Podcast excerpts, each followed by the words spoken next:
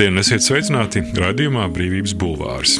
Vienmēr esmu uzskatījusi, ka laiku, kas man ir piešķirts, gribu izmantot, lai papūlētos, paplašinātu šo brīvo telpu šeit, Latvijā.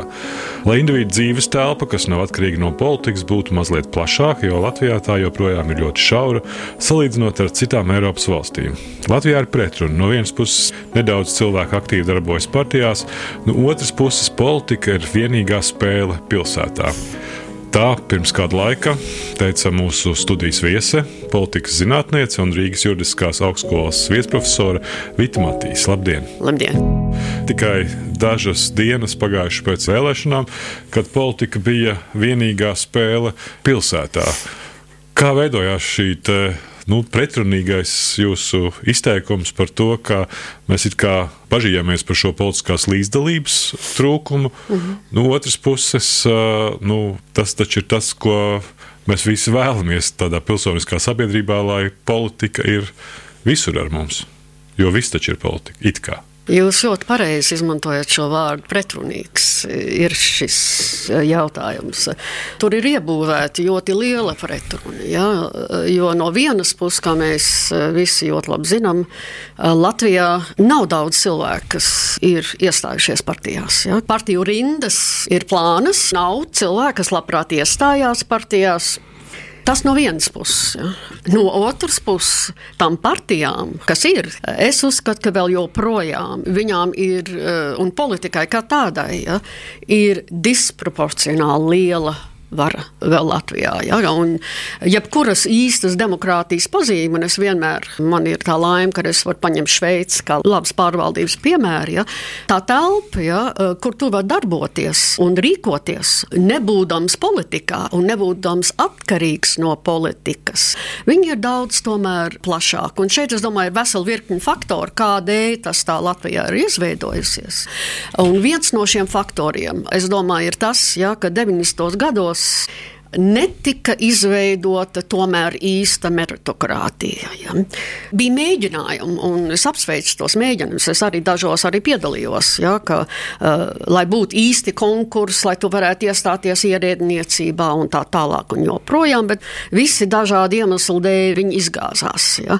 Uh, un es domāju, viens iemesls, kādēļ uh, politikai vēl joprojām uh, ir pārāk liela noteikšana Latvijā, ir, kad meritokratīja īsta 90. gados netika iedibināta. Mēs redzam šodien eh, tos rezultātus. Visi it kā ir šokēti eh, vai bija šokēti, jā, kad neapstiprināja vienu tiesnesi jā, vai citu saimā, ja, bet uh, kādēļ, lai tas būtu pārsteidzoši? Ja? Šiem politiķiem arī viņiem nav šī meritokratījas pieredze. Viņi reālos konkursos, kur, piemēram, vispirms ir jānoliek eksāmens. Tad, kad es 80.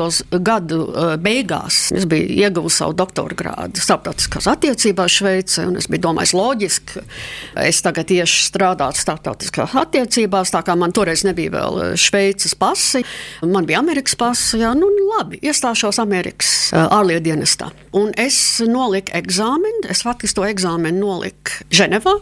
Vienlaicīgi visā pasaulē notiek šie uh, iestāšanās eksāmeni, lai varētu sākt pirmajā pakāpē ārlietu dienestā. Tajā dienā pa visu pasauli bija 17,000 amerikāņi, ja, kas nolika šo eksāmenu. Un, lai tiktu uz nākamo pakāpi, tev bija jābūt starp 3% labākajiem. Un es tiku uz nākamo pakāpu un tā tālāk. Tā kā tas es esmu tīrs, kad Amerikā vēl joprojām bija meritokratija. Es teiktu, ka šodien tas ir apsverams jautājums, vai meritokratija darbojās tādā veidā, kā tā darbojās manā laikā Amerikā. Uh, šī meritokratijas pieredze, ja, ka tavi amati ir reāli atkarīgi no tā, ko tu zini kāds eksāmenis tos nolicis un tā tālāk. Ja. Šī pieredze daudziem politiķiem vēl joprojām nav. Un, kā mēs zinām, tā bija gan Latvijas laime, gan lāsts 90. gados. Pie augstajiem amatiem tika cilvēki bez jebkādas īstas pieredzes un bez konkursa. Ja. Tā kā es dalēju izskaidrotu to, ka politikai vēl joprojām ir ir pārāk liela ietekme uz kultūras, uz visām nozarēm. Es dalēju to izskaidroju to. ka meritokratīzes sistēmai viņi īsti neiesakņojās Latvijā šeit 90. gadu sākumā. Britu sabiedrisko zinātņu eksperts Maikls Janks pirms 50 gadiem ieviesa jēdzienu meritokrātiju, kas nozīmē, ka valda tie, kuriem ir nopelni kā akadēmisku sasniegumu, talanta un izglītības apvienojums.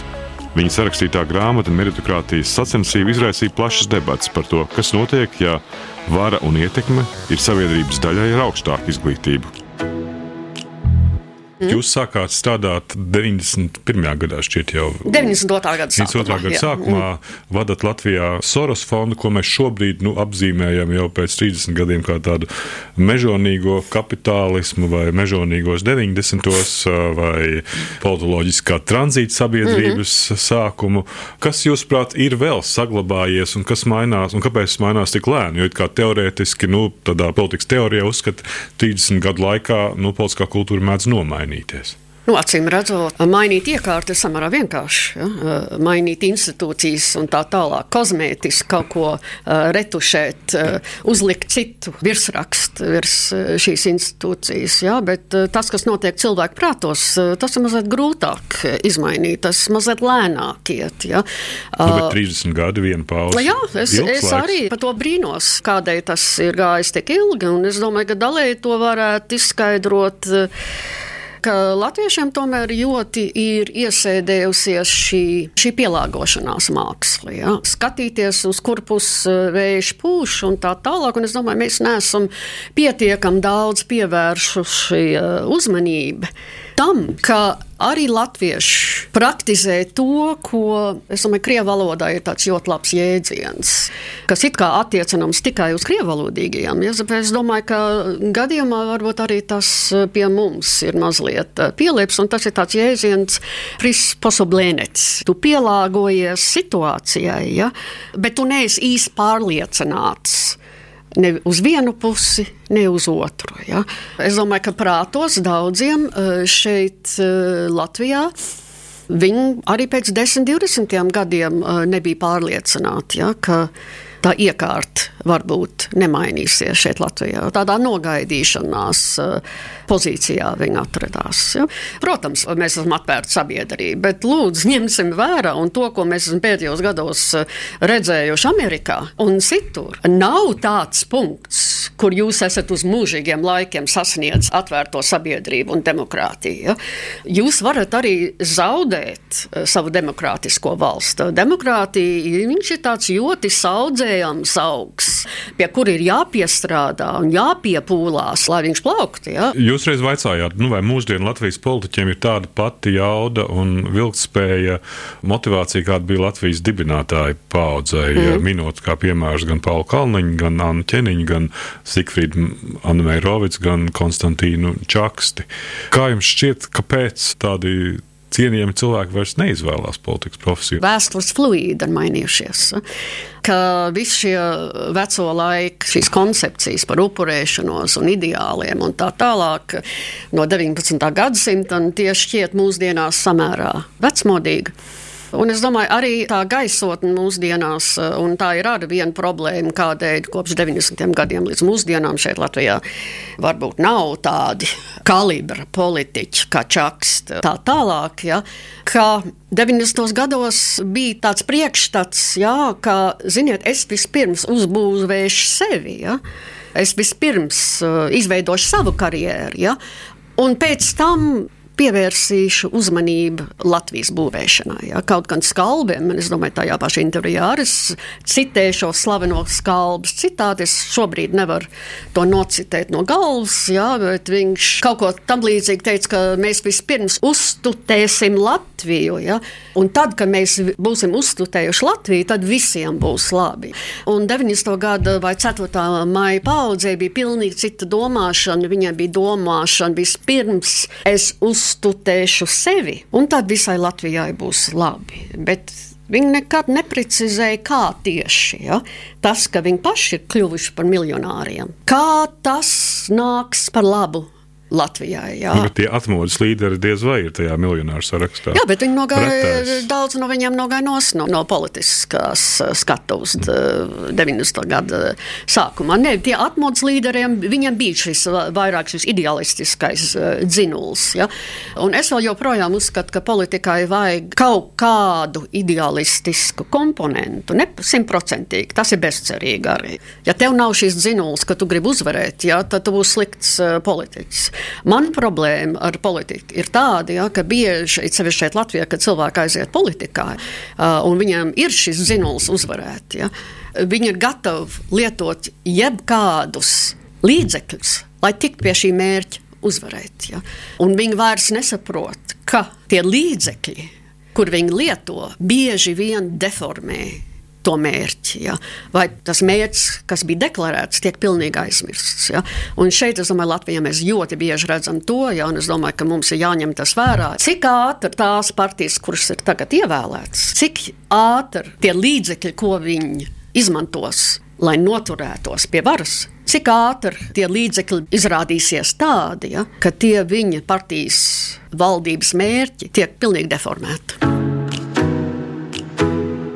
Dzimusi un augusi trimdā politoloģija un starptautisko attiecību eksperta Vita Matīs Latvijā ieradās 1992. gadā, izveidoja un vadīja Soros fondu Latvijā.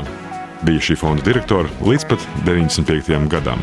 Viņas vadībā fonds veicināja izglītības sistēmas attīstību, kā rezultātā tika dibināta Rīgas ekonomikas augstskola un Rīgas juridiskā augstskola. Strādājis vairākās universitātēs, gan kā profesori, gan vieslektori, tā skaitā Ženēvas Universitātē, Latvijas Universitātē un Rīgas Juridiskajā augstskolā. Savā akadēmiskajā karjerā Vita Matīs ir pētījusi Raņa un Aspāzijas dzīves gājumu, politisko un kultūras pienesumu. Vita Matīs ir arī viena no publiskās diplomātijas studiju aizsācējām Latvijā. Es lasīju jūsu tēzi par to, ka brīvvalsts pirmajai paudzei bija izteiktāk iekšējie orientieri. Jūs izteicāt versiju, ka iespējams viņi sevī bija uzsūkuši visu 19. gadsimta Eiropas literatūru.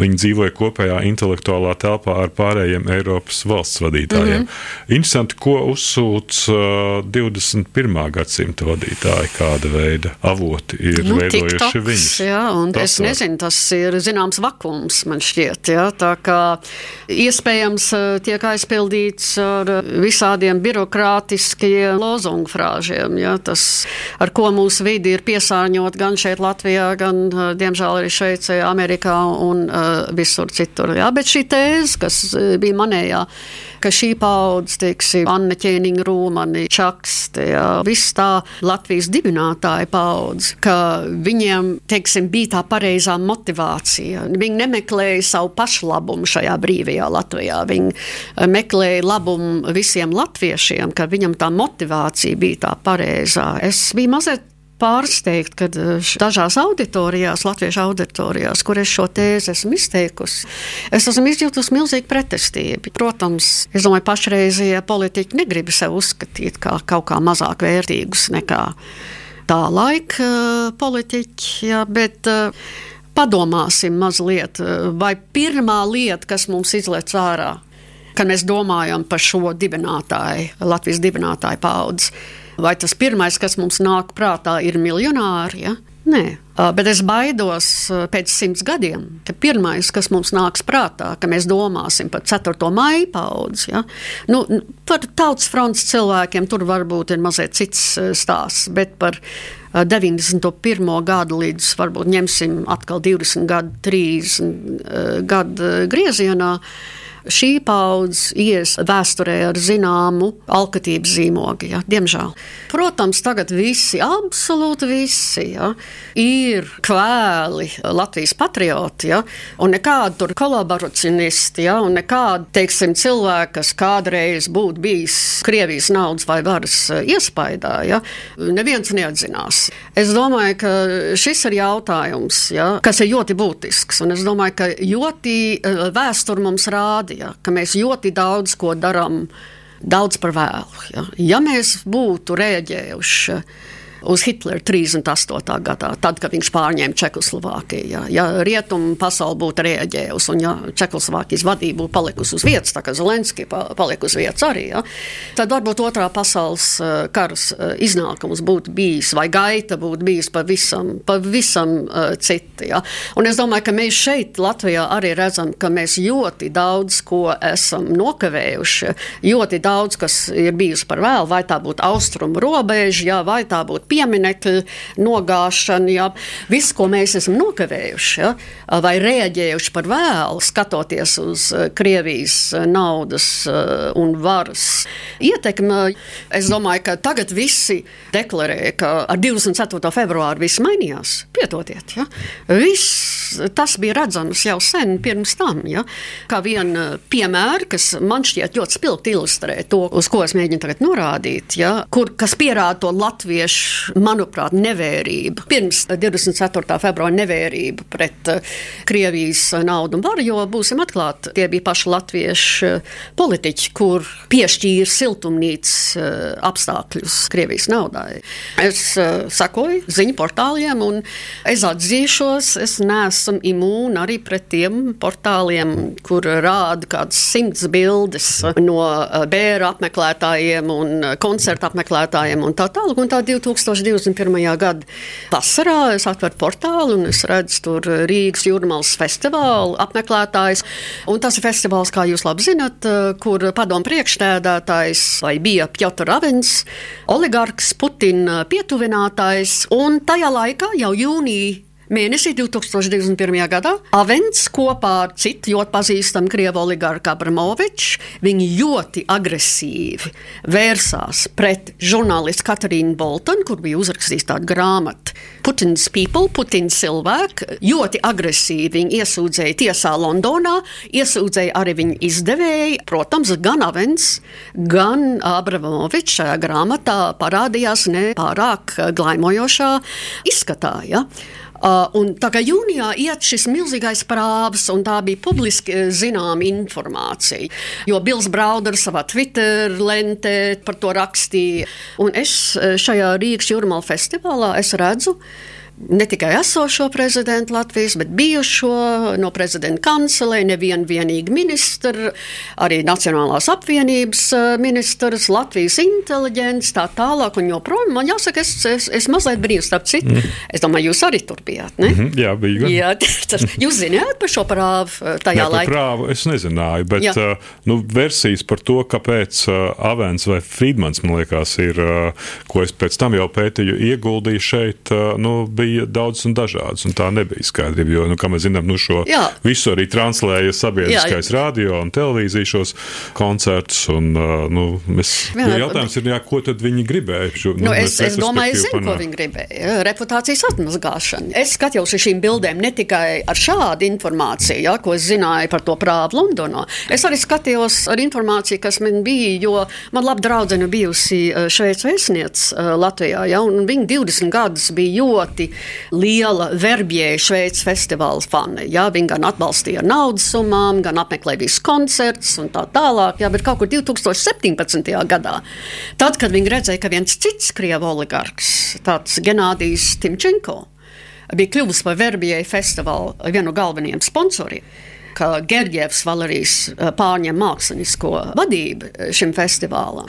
Viņi jau 2017. gadā teica, nē, tas neiet krastā, eh, es nevēlos vairs apmeklēt šo festivālu. Viņi pat piegāja klāt, jo Verbjē festivāls un Rīga Jurmala festivāli ir saistīti. Ja? Tas ir tas pats Mārtiņš Engstroms, kas bija dibinātājs abiem diviem šiem festivāliem. Un man draudzene Šveicē pēc kāda koncerta Verbjē pilsētiņā aizgāja klāt pie Mārtiņa Engstrom un teica, ziniet, ja jums šis Timčenko ir viena no jūsu galvenajiem sponsoriem. Tas ir milzīgs reputācijas risks. Ja? Un uh, jums vajadzētu ļoti uzmanīties. Labi, nekas nenotika. Viņš tikai divus gadus vēlāk dibināja jaunu Rīgas jūrmālu festivālu kopā ar Avenu un kompāniju. Ja? Un es pie sevīm, zinot mans draudzenes attieksmi pret Verbjē festivālu un Timčenko klātbūtni, zinot, ka Avens tajā laikā vada milzīgi prātu, man jāsaka, es mazliet brīnījos. Man bija viegli šokēt, kad es redzēju šīs bildes. Ja? Un man bija cits jautājums. Es aveņu vietā, sēžot tur 21. gada vasarā, es būtu ļoti apmierināts ar sevi. Ja? Vai vismaz apmierināts ar savu sabiedrisko attiecību firmu. Ja? Redzot, kā es esmu viss iesaistījis šajā pasākumā, un sešu mēnešu vēlāk. Es domāju, tad, kad man tiek, vai Avenam tika atņemts trīs zvaigžņu ordenis, Es šķiet, eh, es aveņu vietā būtu mazliet pavīpsnājis. Tie paši cilvēki, kas man tagad atņem to ordeņu, ja, neviens vienīgs sēž tajā ordeņa kapitulī. Ja, ar lielu prieku apmeklēja manu koncertu sešu mēnešu atpakaļ. Un man ir aizdoms, ka gan Timčenkovam, gan Avenam ir viena un tā paša sabiedriskā attiecība firma. Ja kas abiem piedāvāja vienu un to pašu oligarhu komplektu. Jo gan viens, gan otrs atbalsta bērnu slimnīcu, gan viens, gan otrs atbalstīja klasiskās mūzikas koncerti. Ja, man šķiet, ka viņam sabiedriskā attiecība firma viena un tā paša ieteica, ziniet, šie divi bērnu slimnīcas, klasiskās mūzikas festivāls, tie ir labi līdzekļi, ja, reputācijas atmazgāšanas līdzekļi. Un es domāju, ka tur, lai atbildētu uz jūsu jautājumu, tur ir viss tas sāls. Ja. Mm. Tāpēc viņi to darīja. Radījums Brīvības Bulvārs. Sarunas par to, kas notiek un ko mēs par to varam domāt. Saruna ar Rīgas juridiskās augstskolas viesprofesoru Vitu Matīsu. Jūs savā tādā politiskajā akadēmiķis retorikā ļoti bieži, nu, ļoti kritiski vērtēja tieši šos iekšpolitiskos procesus. Mm -hmm. Jautājums ir par to, nu, cik lielā mērā tā iekšpolitiskā kvalitāte, kas uh, Latvijā varētu būt vai ir uh, spēja ietekmēt kaut kādus lielākus starptautiskus procesus. Absolūti, absolūti. Un ņemsim šo pašu piemēru no 40. gada, ja, un tās pašas mapītes. Tas iekšpolitiskais noskaņojums, kas bija Latvijā kas bija izveidots 37. 30, nu, faktiski no, no, no tri, Ulmana režīms, ja, tas uh, iekšpolitiskais noskaņojums, ka mēdīji tika apklusēti, ja, uh, ka bija tikai viens vēstījums, ko varēja dot un izplatīt. Tas noteikti sagatavoja augsni kur Latvijas iedzīvotāji varbūt bija gatavi klausīt uh, Ulmanu. Ja? Tad, kad es šajā mapītē lasu, ja, ka ir ļoti liela uzmanība pievērsta šajā pulkā, kad ir atnācis jauns Ulmaņa ģimenes kas ir e, štābā jāieliek, jāierāmē ja, ar pienācīgu rāmi. Un viss tā birokrātija, kas šūmējās ap šo jautājumu, lai, lai būtu pienācīgs rāms e, Ulmaņa portretam, ja, tas man zinot, kas notiek pēc tam un kas notikās pēc tam, tas man liek mazliet aizdomāties. Ja? Bet, lai atbildētu uz jūsu jautājumu, jā, es domāju, ka iekšpolitiskā situācija absolūti sagatavo cilvēkus pieņemt vai nepieņemt eh, valdības nostāju starptautiskos jautājumos. Un es gribētu šeit uzsvērt eh, to, ka mēs priekšvēlēšana debatēs nepārtraukti redzējām un dzirdējām, ja, ka politika tik tā instrumentalizēta, ja, ka mēs runājam par politiku, izglītības politiku, veselības politiku, aizsardzību, tas ir ļoti pareizi un tā vajag būt. Ja. Bet, ziniet, lielās pamatīgās uh, politiskās cīņas ja, notiek ap to, kurš spēks noformulēs un arī vadīs sabiedrisko domu. Ja tev ir vislabākā desmit punktu programma, bet tu nemāki vadīt, noformulēt šo sabiedrisko emociju, ne domu, bet arī emociju, ja, tad tu nebūsi pārāk veiksmīgs politikas. Bet jūs vairāk kārt esat nu, pārmetusi, ka viena no tām Latvijas nelaimēm, un arī analizējis, ir šis klānu princips. Jā, jā, jā, jā politika nu, ap sevi veido iekšējos jā. klānus, kuri nu, tiek uh, paplašināti vai sašaurinās, vai tas varbūt ir tāds nu, mazas sabiedrības iezīme. Nu, jebkurai taču nu, varai ir jāveido. Tā ir maz uh, nu, arī pēc Vaksa Vēbera, jebkura vara ap sevi veido, nu, tos sapulcina savējos. Atzīstot, ka tā ir it sevišķi maza sabiedrības tāda nelaime vai laime. Ja, Daži saka, ka tā ir laime, jo, ja tev tavā lokā ir pazīstami cilvēki gan medicīnā, gan tur, gan tur, tu vienmēr tiks klāt pie pakalpojumiem, vai nelaime, ja tu nepazīsti šos cilvēkus. Ja. Bet mazas sabiedrības zina un māca arī sev pasargāt no šī fenomena blaknēm. Piemēram, Šveice. Ja. Viņi, lai tiktu piemēram uz uh, vēstnieka amatu, ja, Viņam nav neviens politiskais vēstnieks. Tur ir absolūti caurspīdīga uh, no A līdz Z process, ja, kurā nepiedalās uh, ne ārlietu ministrija, ne politiķi, kur ir eksāmeni. Tur ir tas, par ko mēs runājām no paša sākuma, šis meritokratiskais process, ja, kur ir eksāmeni, kur ir atsijāšanas process uz reālām zināšanām balstīts process. Ja. Lai sevi pasargātu no šī uh, fenomena, kur visi viens otru pazīst, un tu ieliec savu draugu un tā tālāk, ierēdniecībā, vismaz ierēdniecībā, Šveice ir sev, uh, lai tu varētu tikt šajā ierēdniecībā iekšā, ja, Šveice ir sev noformulējusi ļoti skaidrus kritērijus kur ir tikai balstīti uz meritokratiskiem principiem, vai tu vari nolikt to eksāmenu, vai to tu nevari. Un, ko mēs šeit redzam Latvijā?